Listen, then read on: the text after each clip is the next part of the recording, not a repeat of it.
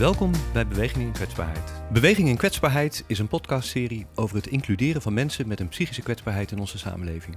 Onderzoekers, professionals, ervaringsdeskundigen en beleidsmakers vertellen hoe een inclusieve samenleving eruit zou kunnen zien en wat er nodig is om dat te bereiken. De podcasts zijn een verdieping en aanvulling op de gelijknamige talkshow-serie. Beweging in Kwetsbaarheid is een initiatief van ZonMW, de Vereniging van Nederlandse Gemeenten en Impulswerkplaats. Zij hebben hun handen ineengeslagen rondom verschillende initiatieven rond verward gedrag, maatschappelijke opvang en beschermd wonen. Deze podcast van Beweging in Kwetsbaarheid gaat over het thema bestaanszekerheid. Dat was het onderwerp van de derde talkshow van 25 maart 2021.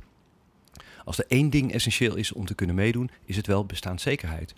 Onzekerheid over een dak boven je hoofd, over zinvolle dagactiviteiten, een sluitend huishoudboekje en geen schulden hebben. Het beperkt de mentale ruimte die je voelt om je eigen weg te vinden. Bestaanszekerheid is daarom het fundament voor een inclusieve samenleving. Mijn naam is Mark van Bijsterveld en vandaag praat ik met twee mensen die hier vanuit verschillende perspectieven over kunnen spreken. Anke Jansen is vertrokken bij Housing First. Dat initiatief geeft al bijna 25 jaar dakloze mensen eerst woonruimte en dan hulp bij het verlichten van andere zorgen. En met succes. En daar zullen we straks vast wat over horen. Jet Bussemaker is voorzitter van de Raad voor Volksgezondheid en Samenleving, de RVS. In april 2020 presenteerde ze een advies met de veelzeggende titel Herstel begint bij een, uh, bij een huis. De boodschap daarvan, een plek om te wonen, staat aan de basis van elk passend hulpverleningstraject. En op 7 april van dit jaar lag er een ander RVS-advies met als titel Een eerlijke kans op gezond leven. Dat advies laat zien dat er een enorm grote maatschappelijke ongelijkheid is in gezondheid. We gaan in dit gesprek nog wat uitgebreider hebben over een huis als basis voor herstel. Maar laten we eens beginnen met het bredere begrip bestaanszekerheid. Dan hebben we het over belangrijke bestaansvoorwaarden als een inkomen, dagactiviteiten, opleiding, werk en inderdaad ook huisvesting. En daarbij wordt het ook steeds duidelijker dat heel veel mensen kampen met problematische schulden. Echt een groot probleem, uh, wat aan de basis ligt van heel veel uh, problematiek. En als we eerste wil ik graag met jullie verkennen wat bestaansonzekerheid is en wat dat met je doet. En ik heb eigenlijk als eerste een vraag voor jou, Jet. Uh, in jullie advies Herstel begint bij een huis staat... ongeacht leeftijd of afkomst hebben alle daklozen te maken... met een lange periode van bestaansonzekerheid. Hierdoor kunnen zij in processen van sociale uitsluiting terechtkomen... waarvan dakloosheid eigenlijk een extreme vorm is. Hoe zou jij bestaanszekerheid beschrijven? En wat bedoelen jullie met die processen van sociale uitsluiting? Ja, bestaanszekerheid is um, um, het kunnen nadenken over de dag van morgen en niet alleen met het hier en nu bezig moeten zijn en met overleven, maar eigenlijk met leven dat is bestaanszekerheid. En dat zei je net zelf al. Dat gaat over uh, inkomen, dat gaat over dagbesteding, dat gaat over een huis. Mij valt op dat in het uh, maatschappelijke en ook wel in het politieke debat bestaanszekerheid vaak verengd wordt tot inkomenszekerheid. En dat is ontzettend belangrijk. Want als je grote schulden uh, hebt, ja, dat is vaak een katalysator voor verdere uitsluiting. Dus uh, inkomen is heel belangrijk, maar is niet het enige van, onderdeel van bestaanszekerheid. Dus als ik het algemener beschrijf, bezig kunnen zijn met leven en niet met overleven. Of anders gezegd, bezig kunnen zijn met wat je morgen wil en niet alleen wat je vandaag moet doen om in leven te blijven. Ja, dat is, dat is een inkomen, maar dat is ook een plek om uh, te slapen. Um, een plek waar je na kan denken over wat je morgen wil. Um, dus dat is wat mij betreft uh, uh, bestaanszekerheid. En eh, wat wij dan bedoelen met processen van sociale uitsluiting, is eigenlijk alles dat ertoe bijdraagt dat je naar de rand van de samenleving wordt gedrukt, in plaats van dat die bestaanszekerheid vergroot wordt. En wij vergelijken dat in het advies met de centrifuge. Die centrifuge die de, de was of wat anders middelen naar de buitenkant van, uh, van de centrifuge drukt.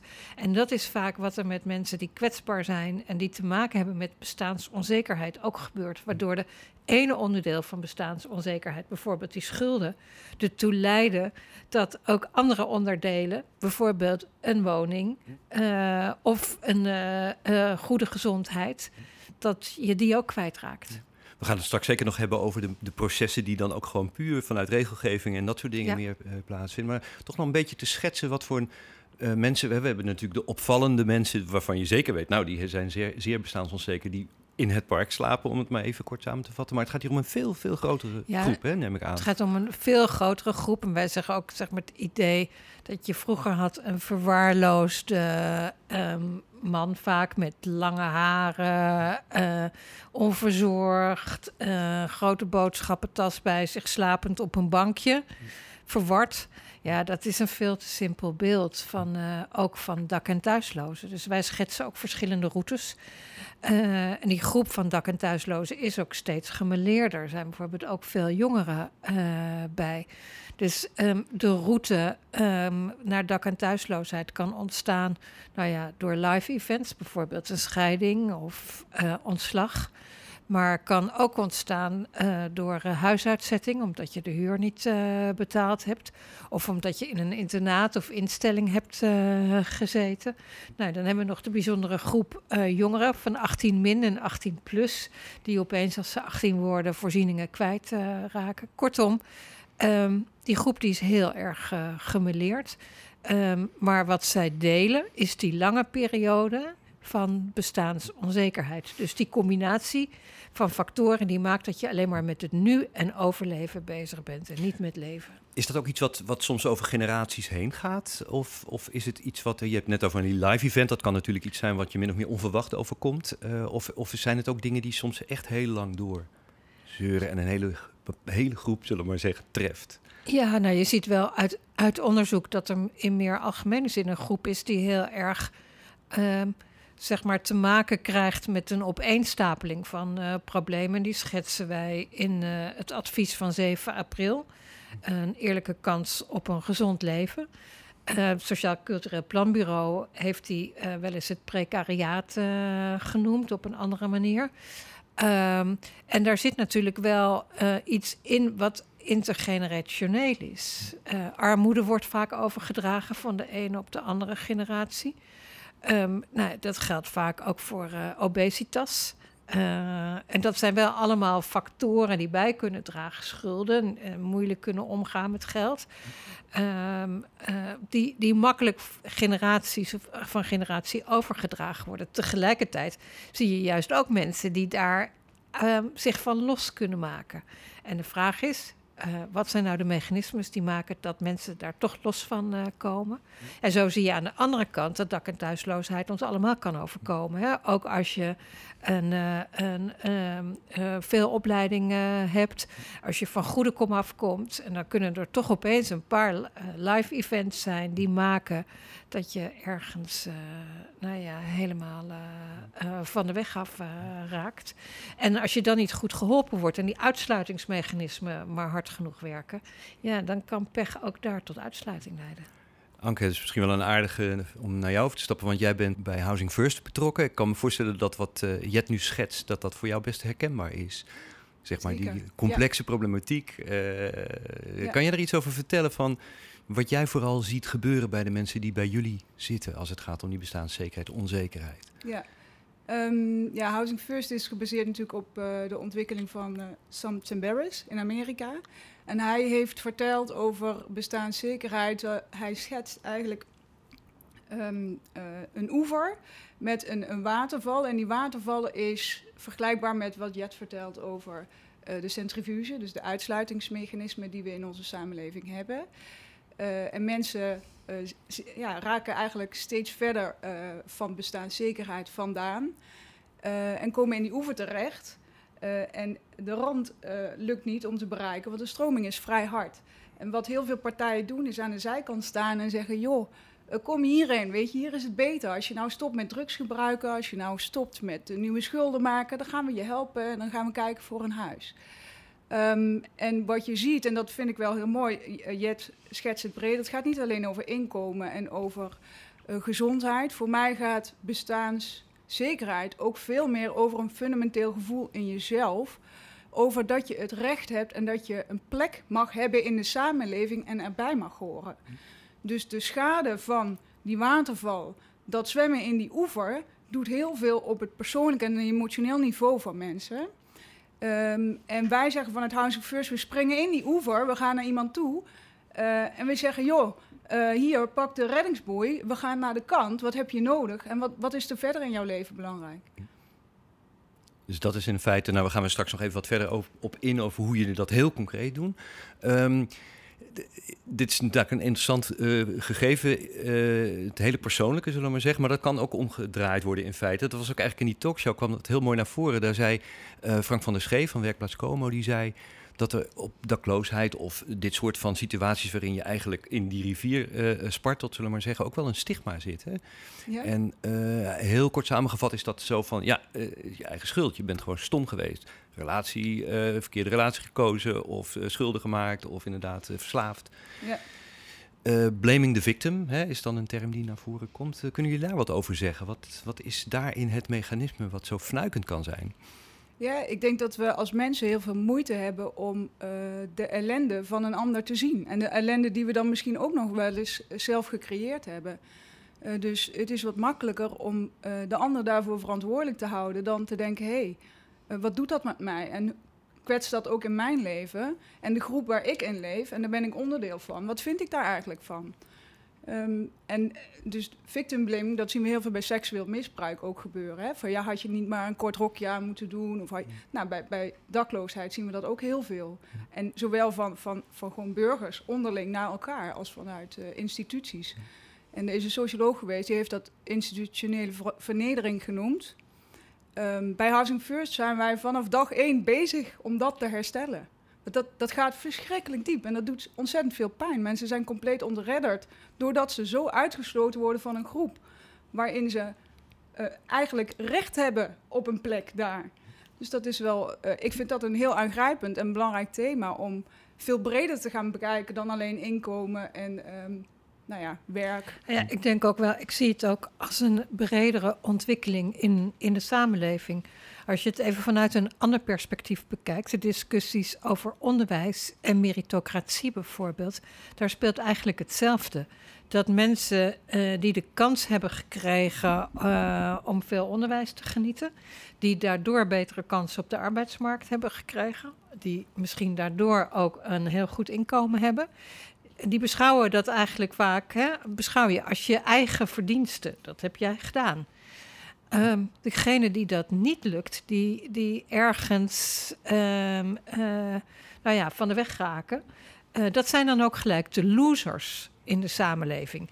En die hebben dat dus ook aan zichzelf te wijten in zo'n verhaal. Ja. En, en daarmee krijg je die, die vernedering. En volgens mij verwijs jij naar Avasha Margalit, de Israëlische eh, filosoof, socioloog. Die spreekt over vernedering. En dat een overheid er alles aan moet doen om die vernedering tegen te gaan. Ja, en dan hoef ik volgens mij alleen nog maar even te verwijzen naar de hele toeslagen eh, Ja. Die, ja, ehm, die, die zo laat zien, zo scherp laat zien hoe diep die vernedering eh, gaat. En dat is niet alleen iets wat de sociale rechtsstaat eh, bedreigt. Maar ik vind dat jij dat mooi zegt, Anke. Wat ook zeg maar, mentaal heel veel met mensen doet. Want eigenlijk is toch dat het gevoel de hele tijd wat je dan ingepeperd krijgt. Dat je het niet goed gedaan hebt, dat je foute keuzes eh, maakt. Ja. Dat, je, ehm, dat het jouw schuld is dat je ergens in die rivier bent komen te liggen. Of aan de zijkant van die centrifuge bent beland. En, en dat, gaat, ehm, dat gaat dieper. Dus het is een institutionele kwestie. Het is een, een, een bestuurlijke kwestie. Maar het is ook een psychologische en mentale kwestie. Ja, Die elkaar heel scherp eh, versterken. Maar dan kunnen we eigenlijk dus ook niet andersom burgers die eh, victims blamen, zullen we maar zeggen, verwijten dat ze dat doen, want het is net zo goed een institutioneel iets. Ik bedoel, hè, dat wat jullie jullie nu schetsen, de institutionele vernedering, komt dus ook voort uit systemen, uit bepaalde politieke keuzes. Nou ja, kijk, het blijft natuurlijk wel, ehm, we zijn mensen. En gelukkig is dat het wat ons maakt dat we, ehm, dat we ook daarin ehm, op grond van kennis en ervaring van mening kunnen veranderen. Maar dan is het wel heel erg belangrijk om met elkaar maatschappelijke debat te voeren. Waar liggen nu eigen verantwoordelijkheden? Want natuurlijk, mensen hebben ook eigen verantwoordelijkheden. En waar doen we als samenleving iets verkeerd? Door eh, als iemand een keer gewoon pech heeft, een pech wat ons allemaal kan overkomen. eh, om iemand dan te helpen om weer deel te nemen in de samenleving. In plaats van eh, te zeggen, ja, dat is jouw schuld, uh, dat is jouw eigen, uh, heb je aan jezelf te danken of te wijten. En dus toe te staan dat iemand steeds verder verwijderd raakt van ons. En die reddingsboei dus steeds moeilijker te grijpen is. Ja. En, en dat is volgens mij een maatschappelijke kwestie waar we, waar, ja, waar ik denk, nou ja, kijk naar toeslagen, kijk naar dak- en thuisloosheid, waar op een heleboel vlakken. Ehm, dingen op het moment uh, uh, niet goed gaan. En beleid dus ook niet altijd effectief is. Ja. Nou, dat is mooi om dat later nog wat uit te diepen. Ik vind het nu eigenlijk wel mooi om naar die reddingsboei te gaan kijken. Omdat jou, dat jij daar misschien iets meer over kan vertellen hoe jullie die uitwerpen als Housing First. En wat dat dan ook vervolgens oplevert. Kan je dat wat schetsen? Misschien met een voorbeeld of zo? Um, ja, kijk, wat, wat wij doen is eigenlijk naar iemand toe gaan. Uh, en, en meteen een sleutel meenemen en zeggen: Joh, we hebben vanaf vandaag een huis voor je. Wil je meekomen kijken of dit wat voor je is? En zou jij uh, met ons dan willen optrekken om jouw leven verder op de rit te krijgen?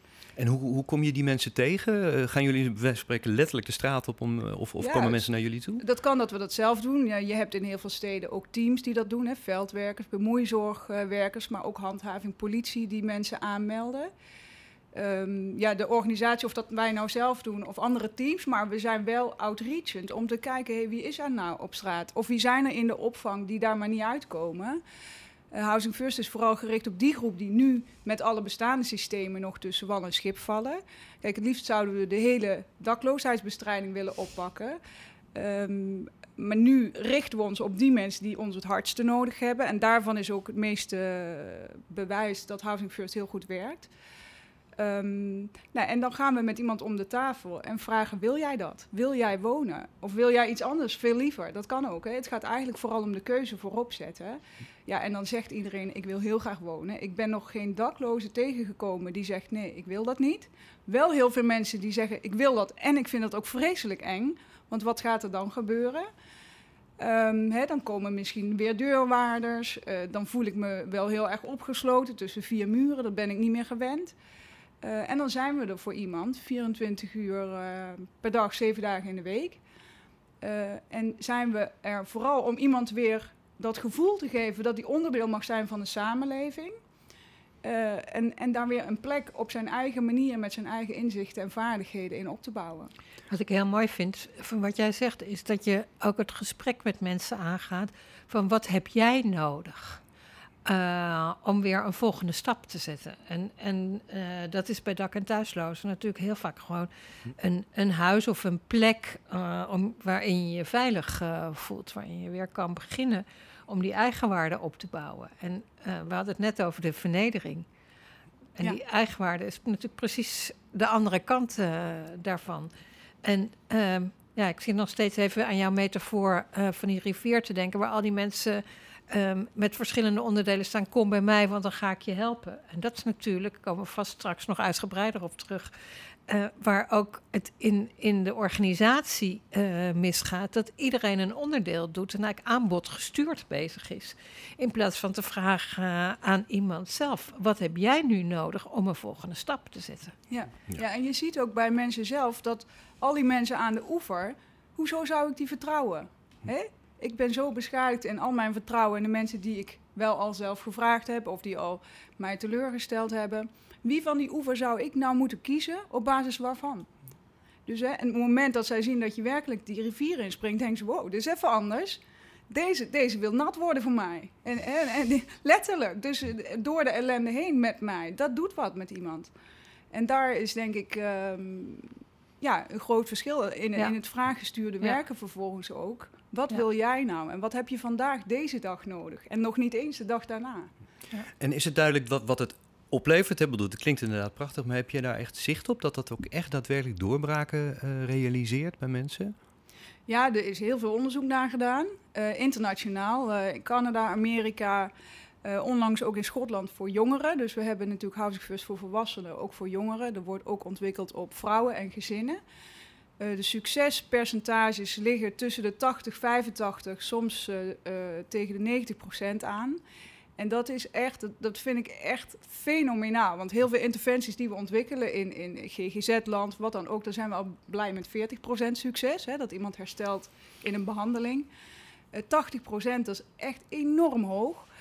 En we zien dat mensen um, waarvan we het eigenlijk niet voor mogelijk hielden dat zij een zelfstandig leven zouden kunnen leiden, dat zij dat doen. Dat want, want dat is de definitie, nee, definitie van het succes, is dat mensen dus zeg maar uit een situatie van een soort van hulpeloosheid zelfstandig hun leven op de rit krijgen. Ja, waarbij we eigenlijk zeggen wat echt een succesfactor is, als ze langdurig, dus tenminste twee jaar, dat is de duur van die onderzoeken vaak, nog steeds uh, gehuisvest blijven. Um, uh, en meestal, uh, de, me de grootste groep blijft veel langer gehuisvest, maar dat kunnen we nog niet allemaal volgen. Uh, en daar zijn we dan, de een heeft meer begeleiding nodig, de ander minder. Maar het feit dat ze gehuisvest blijven en dus bouwen aan hun herstel en, en deelname aan de samenleving, dat is, de, dat is het criterium van succes. Dan hebben we het nu over het individuele niveau. Hoe zit dat eigenlijk? Hè? Die mensen gaan ergens wonen. Hoe landt dat in bijvoorbeeld een buurt? Hebben we net over die meritocratie gehad, hè? Ja. het over. zijn mensen ook geneigd om die mensen ook te omarmen, als het ware, als nieuwe buurtgenoot, als iemand die, uh, die dus niet zo stom is geweest om uh, ja, in de shit terecht te komen, ja. maar ook gewoon daadwerkelijk te helpen? Ja, ik denk dat je daar alle variëteiten ziet. Dus, hè, de, en zoals mensen ook zijn. De een denkt, hé, hey, leuk, een nieuwe buurman, ik ga eens even vragen wie dat is. Uh, en de ander denkt, nou, die heeft een capuchon op zijn hoofd, ik vind dat akelig. Uh, ik, uh, ik, durf eigenlijk niet meer naar buiten. Uh, dat maken we ook mee. Alle mogelijkheden zijn er. Waarbij ook, ik heb meegemaakt dat een man ging wonen met een gezin daarnaast. en hij werd de vaste oppas in dat gezin. Dus ja, eigenlijk, wat, wat natuurlijk wel iets is wat heel vaak ook in gesprekken naar voren komt, is dat woningbouwcorporaties bezorgd zijn over mogelijke overlast. Daarvan uh, is ook uh, bewezen uit onderzoek dat de Housing First deelnemers niet meer overlast veroorzaken, zelfs minder dan de reguliere uh, bewoners. Hè, want overlast komt overal voor. Um, ja, wij hebben vooral veel moeite om de woningen te vinden. En dat komt natuurlijk vooral door de wooncrisis. maar het huisvesten in een wijk, dat verloopt over het algemeen hartstikke goed. Daar zijn we echt nog niet mee klaar, want hè, victim blaming speelt ook daar. Um, maar daar zijn we eigenlijk heel erg tevreden over. Mooi, ja. Overlevers zijn het, hè? dat is een term die jij gebruikt in de talkshow. Uh, voor mensen die echt in hun ongelooflijke, uh, ja, veel, enorm veel problemen hebben op alle vlakken. Herken jij dit wat je hier zo uh, hoort? Is dit inderdaad een mooie oplossing om om een ja, ondersteuning te ja, realiseren. kijk, die overlevers. Misschien is dat. We hebben uh, op 7 april dat advies gepresenteerd: een eerlijke kans op gezondheid. Als het gaat voor volksgezondheid en samenleving. En ook uh, een boek met portretten van overlevers. En uh, ik vind dat hele indringende uh, portretten, verhalen van mensen die, die, die proberen steeds weer op de wal te kruipen. En um, uh, daarbij soms geholpen worden. En ook kunnen aanwijzen uh, wie dat, wie, welk moment of welke persoon bepalend is geweest in, uh, in het weer opkrabbelen en, en kunnen includeren in de samenleving. Maar soms ook gewoon een combinatie van factoren die maakt dat, dat ze steeds weer terugvallen. En de ene keer is dat dan omdat ze um, ziek worden. Uh, en uh, vervolgens uh, daardoor hun tijdelijke baan verliezen. omdat ze die tijdelijke baan verliezen, minder inkomen hebben. Daardoor ook hun huis verliezen. Nou, en zo zie je dat dat een aaneenschakeling is van factoren die maakt dat je um, dat je een, op een hele andere plek um, in de samenleving terechtkomt. En dus ook um, uh, ja, bezig bent met overleven. In plaats van met weer gewoon uh, leven en je leven tot bloei te laten komen. Nou, als dat betekent dat je bijvoorbeeld ook dak- of thuisloos uh, wordt, dan is het vragen aan mensen wat heb jij nodig, naar mijn idee? Cruciaal, want we, we, vullen dat heel snel in. En dan zitten we dus weer in die hokjes te denken. Dan denk je, ja, maar als hij geld krijgt, ja, dan gaat hij misschien wel, weet ik veel, um, een duur horloge kopen. Nou ja, dat blijkt dus uit experimenten uh, niet het geval te zijn. Bovendien, wat we doen, is weer steeds in die domeinen, in die silo's denken. In plaats van wat, wat heeft iemand zelf nu nodig? En dan is die stap naar een huis, of naar een, een, plek, een veilige plek, cruciaal. Dus wij zeggen ook in ons advies herstel begint met een huis. Dat, dat huis het nadenken over die, die veilige plek, dat is een breekijzer. Om ook um, anders te kijken naar de problemen. En bijvoorbeeld dak- en thuisloosheid niet alleen als een kwestie van, van zorg of maatschappelijke opvang uh, te zien. Ik zeg er wel bij, ik vind ik wel heel cruciaal dat wat ons betreft een huis, dat betekent dus niet dat iedereen kan claimen dat je nu een huis met alles erop en eraan uh, kan krijgen, zoals wij een volwaardig uh, uh, huis in de wetgeving omschrijven. Want die zijn er natuurlijk niet. Daar is de wooncrisis, daar leidt iedereen onder. Um, maar ik vind wel dat we veel creatiever om zouden moeten gaan met manieren om dan wel dat huis te vinden. En dat kan zijn omdat er heel veel kantoorpanden leeg staan. Vind ik wel mooi afgelopen jaar in de coronacrisis te zien. Dat er dus ook gemeenten en eigenaren zijn die hun uh, hotel of hun kantoor ter beschikking stellen voor uh, dak- en thuislozen. Het kan ook betekenen dat je recreatiewoningen uh, openstelt. Betekent ook dat je de kostendelersnorm niet toepast. Nou ja, kortom, um, het vraagt ook wel meer flexibiliteit en ook meer creativiteit om uh, die huizen dan ook te vinden, CQ te maken. Ja, ik ben heel benieuwd, Jet, want dit is precies een van de punten waar wij als Housing First Nederland heel erg bezorgd over zijn. Eh, in de grondwet is vastgelegd dat de overheid verantwoordelijk is voor huisvesting, voor haar burgers. Uh, en je zegt, ik vind ook dat het gerealiseerd moet worden, maar mensen kunnen er geen claim op leggen. Hè. We, we, hebben niet een orgaan waar mensen zeggen, hé, hey, mijn mijn recht wordt geschonden, bij wie kan ik aankloppen? Uh, en je noemt daar achteraan, dat is omdat we die woningen simpelweg niet hebben. Uh, en dat is de realiteit waar we in leven. Maar betekent dat niet dat we een omgekeerde redenering maken? Omdat we het niet hebben, mogen mensen er geen aanspraak op doen. Ja, kijk, maar, maar zoals het in, in de wet staat, uh, maakt het onderdeel uit van de hele sociale rechtsstaat. En is het een, een norm. Um, en um, ik, dus wat ik wil zeggen is dat die norm die moet, um, uh, die moet geborgd zijn.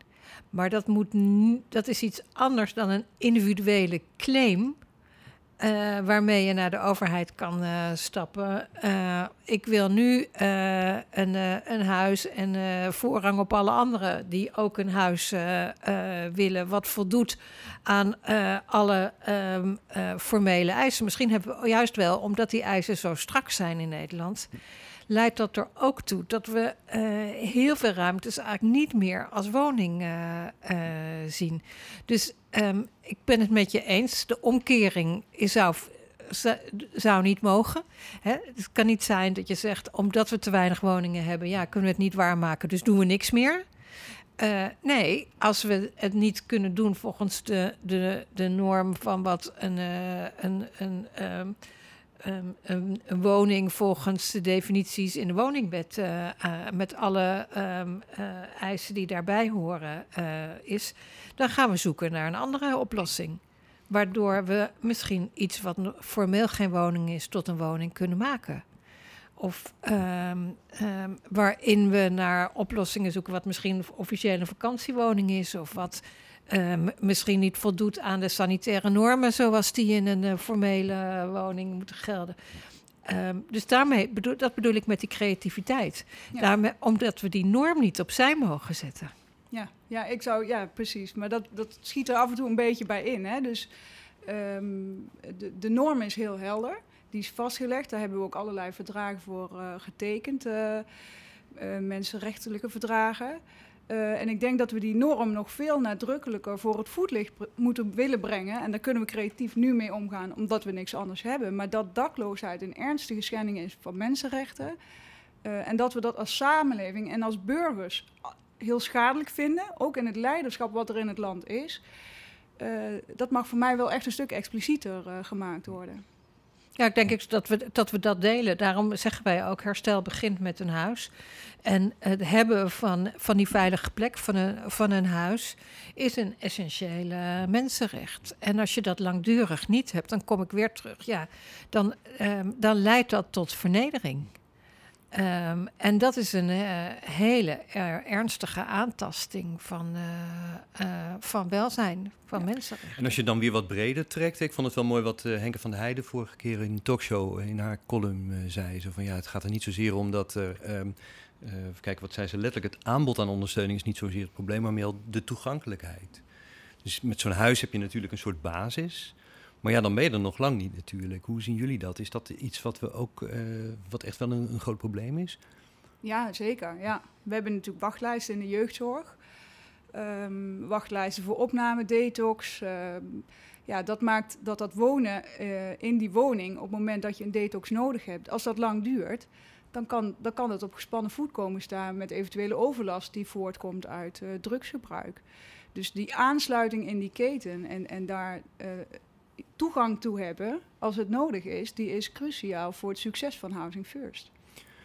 En jullie doen dat ook in feite, want je, je doet meer dan alleen maar dat huis bieden. Dus jullie zijn dan ook echt vervolgens op basis van de vraag, hè, waar, waar Jette straks ook van zei dat het zo belangrijk is dat je echt uitgaat van wat mensen zelf willen. Ga je dan een soort van traject met iemand in om die toegankelijkheid als het ware te forceren, misschien als het nodig is, te realiseren? Hoe, hoe, hoe pakken jullie dat dan aan? Um, nou, we hebben een heel netwerk waarin uh, we contact hebben met vakteams, met uh, verslavingszorg, met reclassering, met uh, politie, met de gemeente, de uitvoerende instanties daarvan. Um, en één deelnemer, ik heb dat wel eens geschetst in een overleg met burgemeesters, die waren echt verrast. betekende voor ons een netwerkonderhoud van 20 mensen.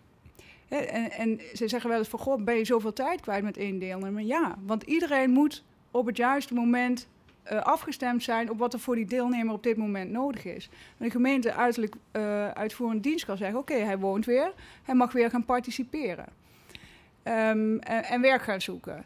Uh, en dan zeggen wij wel eens van wacht eventjes, iemand voelt zich nog zo ontzettend vernederd. Als je dat nu gaat opleggen, dan gaat het grandioos uit de klauwen lopen. Laat iemand even betijen, geef hem even tijd. Laten we eerst eens even contact zoeken met een, een goede psycholoog voor deze persoon. En als er dingen wat meer op een plek zijn gevallen, dan gaat hij dat doen. Dat weten we zeker. Uh, dus met die psycholoog aan de slag, met een huisarts weer inschrijven, met een tandarts. Vaak is dat ook een hele belangrijke. Uh, en inderdaad ook uh, dan weer toewerken naar deelname aan de samenleving. Maar dat vraagt ook echt een hele andere manier van, van werken, die naar mijn idee ook weer veel verder gaat dan alleen uh, deze de groep dak- en thuislozen. Hoewel je het daar denk ik wel heel erg sterk ziet uh, wat het belang van die, die samenwerking tussen al die professionals is. En iemand die daar, nou ja, door dat woud de weg weet uh, te vinden. Want ik denk dat we um, heel veel problemen ook voortkomen dat professionals met de beste bedoelingen, maar gestuurd door een sterke drang op rechtmatigheid, op protocollen, op regelgeving, op hun eigen, eigen sector heel vaak langs elkaar uh, heen werken. En met de bedoeling eigenlijk daarachter. Hè. We hebben het vaker over werken volgens de bedoeling, dat we dat eigenlijk kwijtraken. Want dat is die reddingsboei. En met iemand samen optrekken om weer die weg omhoog uh, te vinden. En als we allemaal in die eigen kleine kokers blijven uh, werken. En misschien ook te weinig ruimte hebben. Hè? Dus wij pleiten ook in andere adviezen voor meer regelruimte tussen bijvoorbeeld uh, wetten, tussen de WMO en uh, um, de participatiewet, uh, bijvoorbeeld, of jeugdzorg. Om ervoor te zorgen dat die regels, ja, die zijn er uiteindelijk om mensen te helpen. En we zien nu dat die heel vaak beknellend zijn om juist een creatieve, gerichte oplossing te zoeken. Die zijn beknellend, maar je ziet toch ook heel vaak professionals die daar juist wel zich aan weten te ontworstelen, uh, creatief zijn? Uh, ja, is dat dan zie... toch iets van een persoonlijke competentie, professionele competentie? Ja, ik zie daar, daar, daar grote verschillen. Um, ik zie professionals die um, de ruimte optimaal benutten. Um, ik zie professionals die steun krijgen van moedige uh, leiders en bestuurders om hun, zeg maar, wat heet discretionaire ruimte, dus om eigen beslissingen te kunnen nemen, ehm, om dat zelfs te doen als ze misschien formeel een grens van rechtmatigheid uh, overschrijden, omdat ze zich dan gedekt voelen door uh, hun leidinggevende. Ik zie aan de andere kant ook professionals en ook bestuurders, en die zie ik eigenlijk nog wel steeds heel veel, die bang zijn dat zij zelf um, de regels niet goed volgen. En wat je heel vaak ziet, is dat mensen dan ja, better safe than sorry uh, beleid uh, hanteren. Ja, ik weet niet zeker of het kan. Nou ja, dan doe ik het maar niet. Uh, want je weet maar nooit. Ik wil niet mijn baas of de inspectie of een Kamerlid of een minister of wie dan ook die daar kritiek op geeft. En we zullen dus ook wel met elkaar meer moeten durven. En dat betekent niet dat we alle, alles maar losgooien. Maar we moeten ons wel steeds afvragen: waar zijn uh, regels nou bedoeld om mensen te helpen en waar zijn ze een belemmering? Hm. En ik vind het heel belangrijk dat ik een aantal burgemeesters afgelopen tijd heb gezien. Want ik denk ook dat die in een positie zitten om dat te kunnen doen. Die zeggen, ja, als mijn wethouders en als alle professionals in de gemeentelijke organisatie mensen niet meer kunnen helpen, omdat men uh, bijvoorbeeld omdat ze um, geen briefadres hebben, uh, ook geen inkomen krijgen en daardoor ook hun uh, verzekeringen geen zorg meer krijgen. Ja, dan, dan, dan moet ik ergens ingrijpen. Uh, of als mensen geen jeugdzorg krijgen, uh, omdat ze geen, uh, niet voldoen aan de eisen van de participatiewet. Ja, dan maak ik het alleen maar van kwaad tot erger als ik niks doe. Nou ja, dus um, en ik vind het belangrijk dat, dat ook die moed, die, die, die, die, dat leiderschap getoond wordt. En dat we daar dan vervolgens ook van leren. Zodat die professionals die die ruimte wel nemen, die ook dat die lessen doorgeven. En ook als ze het idee hebben dat ze die ruimte echt niet kunnen nemen, ook opschalen en er niet zelf mee blijven rondlopen. Dat is wel leuk, want jij hebt mij daar inderdaad ook wel over, wat over verteld, over die bestuurlijke moed. Maar misschien dat toch nog even, voordat we daar nog wat verder op ingaan, de, de professionele moed of misschien de ambtelijke moed. Hè, want het zijn natuurlijk ook gewoon professionals in de ambtenarij die ook allerlei dingen hoe, hoe, herken jij daar dat daar ook misschien, uh, is dat maar een klein groepje die dat echt durft of zo? Of kun je dat stimuleren? Of raken mensen misschien geïnspireerd doordat ze zien van hé, hey, als ik eens wat buiten de lijntjes kleur, dan ontstaat er ineens heel veel meer? Uh, ja, je hebt, je hebt beide categorieën, wat je hebt ook verteld. Er zijn, er zijn heel veel gelukkige, moedige uh, professionals die zich openstellen voor wat er werkelijk aan de hand is en willen kijken naar de bedoeling. Eh, van Housing First of van hun taak. Verder dan de regels volgen die er zijn in de, in de uh, organisatie. En dat hangt veel samen, denk ik, met een cultuur die zij zelf creëren in hun team. Of die ook gefaciliteerd wordt binnen de organisatie. Uh, en, en, als er heel veel geldtekorten zijn, dan wordt het ook alweer heel lastig. Want dan zegt iemand in de regiogemeente: Nou, ik laat hem, hij klopt hier aan voor een privates. Maar ik stuur hem mooi naar de centrumgemeente. Dan ben ik van het probleem af. Dus um, ja, dat, dat, dat heeft heel veel verschillende facetten. Wat maakt of iemand uh, die professionele moed heeft. Uh, en ik zie dat gelukkig steeds meer. Maar het is ook zo dat we er heel vaak schuring over hebben. En dat we dan vanuit Housing First zeggen: joh, maar dit gaat niet werken, dat kan ik je echt beloven. En dan een professional zegt: ja, maar dit is mijn taak. Uh, en ik moet nu gewoon uh, iemand korter. Of iemand moet nu gewoon aan het werk. Ik ga hem oproepen. En als die niet komt, dan wordt hij gekort. Dus um, ja, dat, dat is echt een proces waar we middenin zitten. Ik vind dat er heel veel goede dingen gebeuren. Er is ook een mooi boek over geschreven van Evelien. Uh, over maatwerk en sociaal domein. Um, waarbij inderdaad gericht gekeken wordt naar de bedoeling van die wetgeving in plaats van de rechtmatigheid. Uh, ja, en wij zijn denk ik van het Housing First wel uh, degene die er elke keer aan die, aan die uh, deur rammelen. Van jongens, dit, dit kan anders, dit kan beter. We zien op allerlei plekken het succes daarvan. Laten we even goed kijken. En daar, daar voeren we steeds het gesprek over. Dus we proberen mensen daar steeds op te inspireren. en we koppelen dat ook terug ehm, op het bestuurlijke niveau. Dus daarmee hopen we in ieder geval vanuit onze bril en ervaring uh, te inspireren om dat vaker te doen. Ik denk dat je, dat, um, dat je juist ook die verandering echt op alle niveaus nodig hebt. Hè? Je hebt het over professionals. Uh, nou, ik ben natuurlijk behalve nu voorzitter van de RVS ook voormalig politica. En daar heb ik onlangs een boek over geschreven, Ministerie van Verbeelding, Idealen en de Politieke Praktijk. En daar probeer ik ook te analyseren waarom lukten sommige dingen nu wel en lukten andere dingen niet. En heel veel dingen die die, die, ehm, niet lukten of waar problemen mee waren, die hadden te maken met ehm, het, het werken in, eh, in eigen systemen, in werken met ehm, eh, eh, werken in, binnen grenzen van je eigen professie of van je eigen stelsel. En als het daar dan misgaat, kijkt iedereen naar elkaar.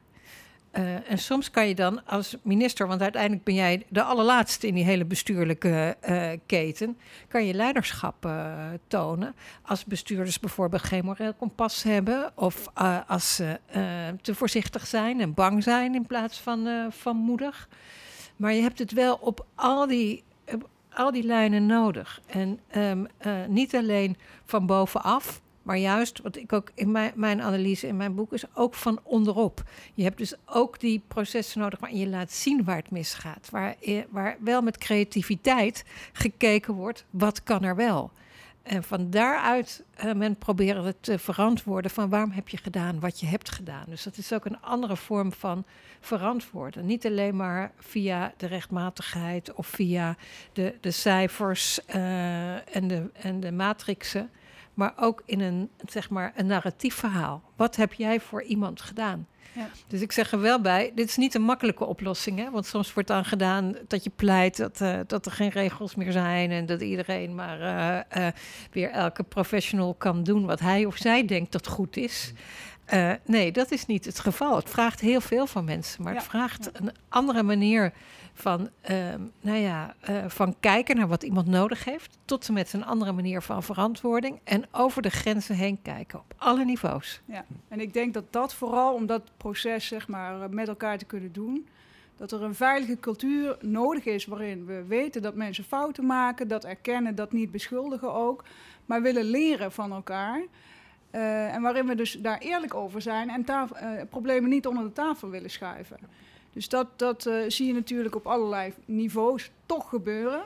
Uh, mensen willen hun positie uh, bewaken, willen hun, hun, hun persoon daarin goed afgeschilderd zien. Dat doet er niet toe. Mijn individu doet er helemaal niet toe. Bij deze maatschappelijke opdracht gaat het erover dat we de beste oplossingen zoeken voor een probleem wat op tafel ligt. En ik denk dat dat ook telkens op bestuurlijke tafels ja. het aller, allerbelangrijkste moet blijven.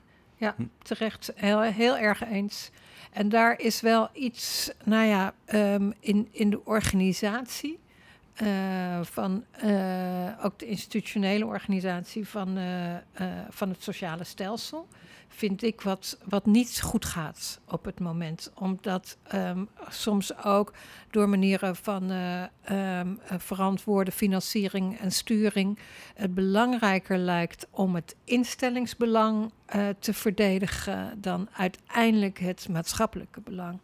Dus ik zeg ook vaak, ja, we moeten echt met elkaar terug naar, de, naar het gemeenschappelijke goede doen. En niet alleen het afzonderlijke voor ons als individu of voor ons als instelling. En of dat nou een, uh, um, een maatschappelijk werk is, of een uh, sociale dienst, of een school. Dat, dat zou eigenlijk niet uit moeten maken. Want het gaat steeds om die samenhang tussen de problemen. Die maar dat is eigenlijk zien. natuurlijk een, een politiek-maatschappelijk debat wat je dan moet voeren van wat is dan het goede? Is het niet ook zo dat, hè, er is ook best wel veel kritiek op de, de bestuurscultuur natuurlijk rondom ja. de hele politieke uh, uh, ja, verwikkelingen natuurlijk ook heel duidelijk naar voren gekomen dat we toch eigenlijk alles hebben gedepolitiseerd, heel erg geïnstitutionaliseerd, heel erg zeg maar de uitvoering als het ware vooral voorop hebben gezet, rechtmatigheid als en dat we eigenlijk nauwelijks nog een soort van publiek politiek debat voeren over wat is dan het goede? Hoe gaan we dit dan? Nou ja, in die zin is het meer misschien een politiek-filosofisch debat. Ik vind niet dat je het. Ik bedoel, niet een debat in politieke zin van links of rechts, maar wel de vraag: um, waar is de overheid voor? En um, waarom hadden we ook alweer een uh, verzorgingsstaat? En wat is het hart van die verzorgingsstaat of van de sociale rechtsstaat? En met elkaar wel het gesprek voeren. Als we daar dan van afwijken, ja, als we dat doen omdat we dat goed vinden, dat is een politiek besluit. Uh, maar die die, dat debat voeren, ik denk dat de toeslagenkwestie dat ook heeft laten zien. Want dat, dat, van, dat is niet per se iets van links of rechts. Als je kijkt naar degene die dit ook aangekaart hebben, dan gaat het daar ook over het tegengaan van vernedering en het beschermen van, uh, van burgers. Dus dat je meer dat debat met open vizier voert. En, en uiteindelijk is het een politiek besluit welke conclusie je daaruit uh, trekt. En kan dat nog in, in de politieke cultuur die er is ontstaan in de loop van misschien de laatste twee decennia of drie decennia misschien? Dat je dat soort van gewoon open debat voert? Als je kijkt naar een politiek nou debat in de Tweede Kamer, is het toch meer uh, vliegen afvangen en uh, even. Ja, maar, daar, maar, natuurlijk maar, maar daarom, dit is een debat dat veel, nogmaals, veel verder gaat dan uh, alleen de Tweede Kamer. Hm. hij zou daar ook gevoerd moeten worden. En de, de huidige informateur, Herman Schenk Willink, nou, dat is iemand die al 40, me zeker zeer indringend de afgelopen 20 jaar op uh, de, de veilen van de organisatie van de sociale rechtsstaat heeft uh, gewezen. En ook aangeeft dat de discussie die nu gevoerd wordt, ook over macht en tegenmacht, veel verder gaat dan alleen uh, de macht van de Tweede Kamer. Dus ik zou zeggen, waar wij het hier nu over hebben, deze discussie moet gewoon, ja, die hoort ook op gemeentelijk niveau tussen organisaties gevoerd worden, tussen professionals gevoerd worden. Ja. Uh, en ook vanuit het idee. Um, uh, doen we het, ja, wat is het, wat is het, want dat, dat moet ook, wat is eigenlijk het effect van wat we nu met elkaar doen? Ja. En als Housing First, hè, zie ook de onderzoeken waar jij al naar verwijst, naar het buitenland.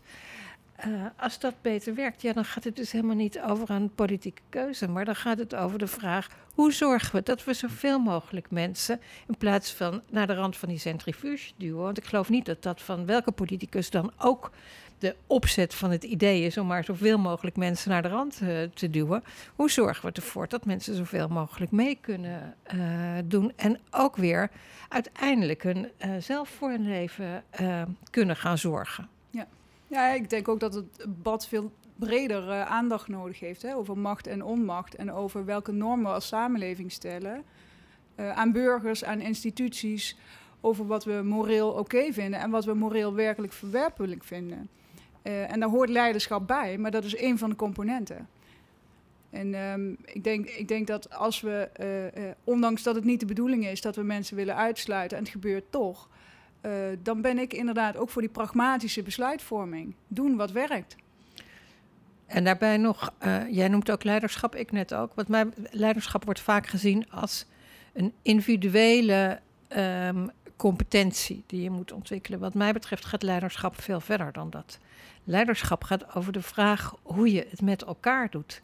En dus ook zelf kwetsbaar durven zijn. En dat betekent dat je niet alleen vertelt wat jij vindt uh, wat goed is, maar dat je ruimte biedt voor, voor experimenten. Dat je ruimte biedt voor fouten, omdat je weet dat je daarvan kan leren met uh, elkaar. En dus ook een open cultuur waarin teams samen uh, leiding durven nemen. Ja, en ook zelfs nog uh, een stap verder, want het gaat wat mij betreft dan ook weer op zielsniveau. Het persoonlijk leiderschap uh, is zelden eigenlijk onderdeel van een dergelijk debat. Maar hoe verhoud ik mij tot de ander? Hoe kijk ik naar de samenleving en waar ik zelf deel van uitmaak? En wat is mijn norm daarin? Welke moraal is daarin voor mij uh, belangrijk? Um, ik, ik, denk dat we met elkaar, we hebben natuurlijk toch een samenleving die op allerlei fronten beschadigd is door allerlei uh, naoorlogse effecten, hoe we met elkaar vernederen, dat soort dingen. Laten we dat ook eens gewoon echt op tafel gooien en opengooien dat dat zo is. Ik denk dat dat al zoveel lucht kan geven. Uh, en ieder mens heeft zijn kwetsbaarheid en zijn beschadigingen en zijn krassen op de ziel. Daar zijn we allemaal gelijk in. De een meer dan de ander. Um, maar daarmee omgaan en zeggen: Ik vind dit dus moeilijk, ik vind dit spannend, het doet mij pijn. Dat hoor ik nooit in, in het politieke debat. ja, ik zie het wel eens eh, natuurlijk. Het is niet alleen maar uh, tekst. Maar, maar dat, dat besef over die diepere lagen die we allemaal als mens in ons hebben, achter ons hebben, uh, waar, we, waar we mee naar voren gaan. Dat, is, dat is heel belangrijk, denk ik, om te weten waar je vandaan komt en waar je naartoe wil, dus ook. En welke norm je daarvoor stelt is het dan niet des te belangrijker dat we dat soort dingen hebben als het boek wat jullie hebben gemaakt met die 15 overlevers? Want dit gaat ook heel veel over verhalen, over wie je als persoon bent. eh, wat je belangrijk vindt, wat je goed vindt en dat soort dingen meer. En daarover durven uitwisselen. Ja, dat geldt, geldt voor de, zeg maar, de portretten die wij gemaakt hebben uh, van overlevers. Maar volgens mij waar Anke het over heeft, en dat herken ik ook, is ook dat je op andere niveaus kwetsbaar uh, moet durven zijn. ook als je um, een, een, organisatie bestuurt of als je een publieke functie hebt.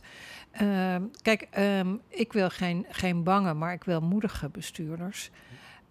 Maar ik wil ook geen stoere, maar meer kwetsbare bestuurders. Die, die dus ook laten zien hoe moeilijk het uh, is. En dat geldt ook voor professionals.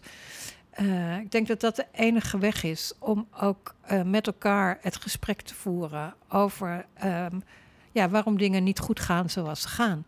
En ik ik, nogmaals een keer, dat, dat gaat dan meer over terug naar de bedoeling. Maar goede bedoelingen alleen zijn niet genoeg. Hè? Want dat heb ik ook veel te vaak gezien. Dat mensen met de beste bedoelingen, maar wel heel erg vanuit hun eigen redenering denken te weten wat goed is voor mensen. Dus er moet, de, de, er moet een sterke verantwoording zitten. Maar een andere verantwoording dan, um, dan alleen maar uh, in termen van rechtmatigheid. En ik vind een goed voorbeeld als je bij dak- en thuislozen hebt. Uh, hoe gaan we om met het zelfredzaamheidscriterium? Dat vind ik nou echt, dat, dat zouden we veel meer uit moeten diepen in het maatschappelijk debat. Want hoe komt het dat je nu eigenlijk alleen maar recht hebt op maatschappelijke opvang? Nou ja, als je eerst moet laten zien dat je verslaafd bent, uh, dat je hele ernstige gezondheidsproblemen hebt. Terwijl wij zeggen, iemand die dak- en thuisloos is, die, die, dat moet je beschouwen als een teken van, uh, van hulp die iemand vraagt. Uh, van het willen voorkomen van ernstige vormen van niet meer zelfredzaam uh, zijn. En als we daar met elkaar, dat vraagt veel, want dat vraagt um, ook veel in de samenwerking van professionals. Als we daar een stap zouden kunnen zetten, ja, dan kan dat er misschien ook toe leiden dat we uiteindelijk minder mensen in de maatschappelijke opvang hebben. En dat is beter voor hun, het is goedkoper voor de samenleving.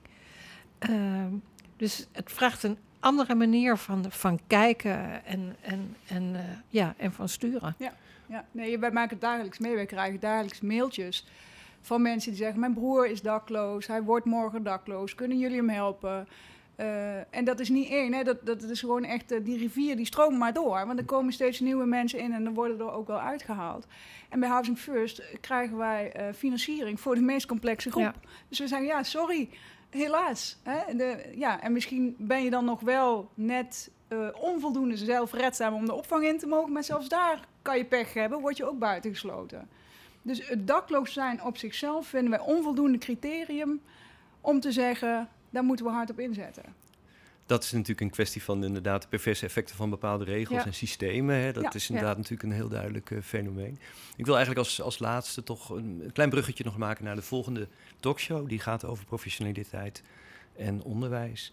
En, en dat wat jij net schetste, Jet, over uh, ja, dus die, die moed die je ook hebt om het gesprek samen onderling aan te gaan. En uh, Anke, je hebt er ook heel veel over gezegd. Wat zouden jullie kunnen meegeven aan de mensen die de nieuwe professionals opleiden? Of misschien ook de nieuwe managers of bestuurders, maar nou van die.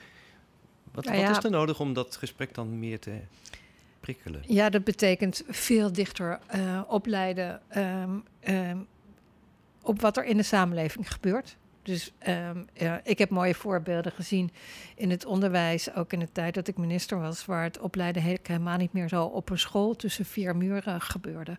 Maar gewoon uh, in, dat kan in een fabriek zijn, maar dat kan dus ook op een uh, werkplaats uh, zijn of bij die rivieren zijn. Dat is één ding. Veel meer samen opleiden. Dus niet meer iedereen in zijn eigen koker opleiden. Ik ben nu um, vanuit mijn nog leraarschap bezig zijn we aan het kijken of bijvoorbeeld maatschappelijk werkers, verpleegkundigen, huisartsen veel meer samen ook al kunnen opleiden, zodat zij leren om met elkaar ook elkaars taal te begrijpen. Hè? Want er zit ook vaak een wereld van verschillen tussen. Um, en wat naar mijn idee heel belangrijk is, om durven op te schalen. Um, dat heel veel professionals met de beste bedoelingen hoor, proberen heel lang steeds maar weer zelf een, iets te bedenken. Wat zonder uh, hun, hun lessen en hun ervaring ehm, eh, met anderen te delen.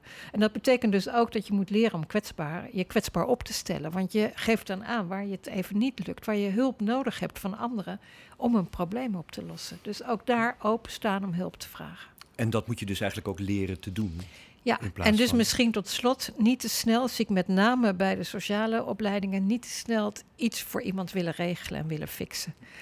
Uh, eerst maar eens even op je handen gaan zitten en terug naar de vraag die Anke ook stelde: wat heb jij nodig? Hoe zie jij dat, Anke? Wat zou jij mensen. Uh, in het onderwijs, ja, ik denk dan natuurlijk aan het onderwijs uh, wat, wat gerelateerd is aan het sociaal domein. Dat gaat voor mij over dat persoonlijk leiderschap. Uh, hè, dat morele besef van waar zijn we in godsnaam toe op aarde hier met elkaar. Uh, en dat ook, um, denk ik, wat, wat belangrijk is, dat niemand de waarheid in pacht heeft. Dus dat besef dat we met elkaar die puzzel moeten maken. Uh, dat de arrogantie om vanuit één waarheid of een andere waarheid misschien tekort te doen. want dat zie je ook gemakkelijk gebeuren. De, dat we daarin die, die openheid en die vrijheid met elkaar faciliteren. Um, ja, volgens mij uh, komen we dan al wel een heel eind verder. Ik, ik zou vooral veel hogescholen en mbo's willen inspireren om uh, veel van Housing First, in die zin van de moraal die wij daarin, hè, wat werkt, dat ja. vooral, om dat uh, er ook vooral in op te nemen. Ik ben heel benieuwd. We gaan het meegeven, denk ik maar, aan de mensen die die volgende talkshow gaan doen. Dank jullie wel voor jullie mooie gesprek. Deze podcast eh, van Beweging in Kwetsbaarheid ging over het thema bestaanszekerheid. Onderwerp van de talkshow van 25 maart 2021. De volgende show is op donderdag 22 april 2021. En ook weer van 4 uur tot half 6. En dan is het thema dus professionaliteit en onderwijs. En ook daarover maken we dan weer een podcast met twee experts op dat terrein. Dus graag tot de volgende keer. Ik ben Mark van Bijsterveld. De techniek was in handen van Jonne Seriese. Bedankt voor het luisteren.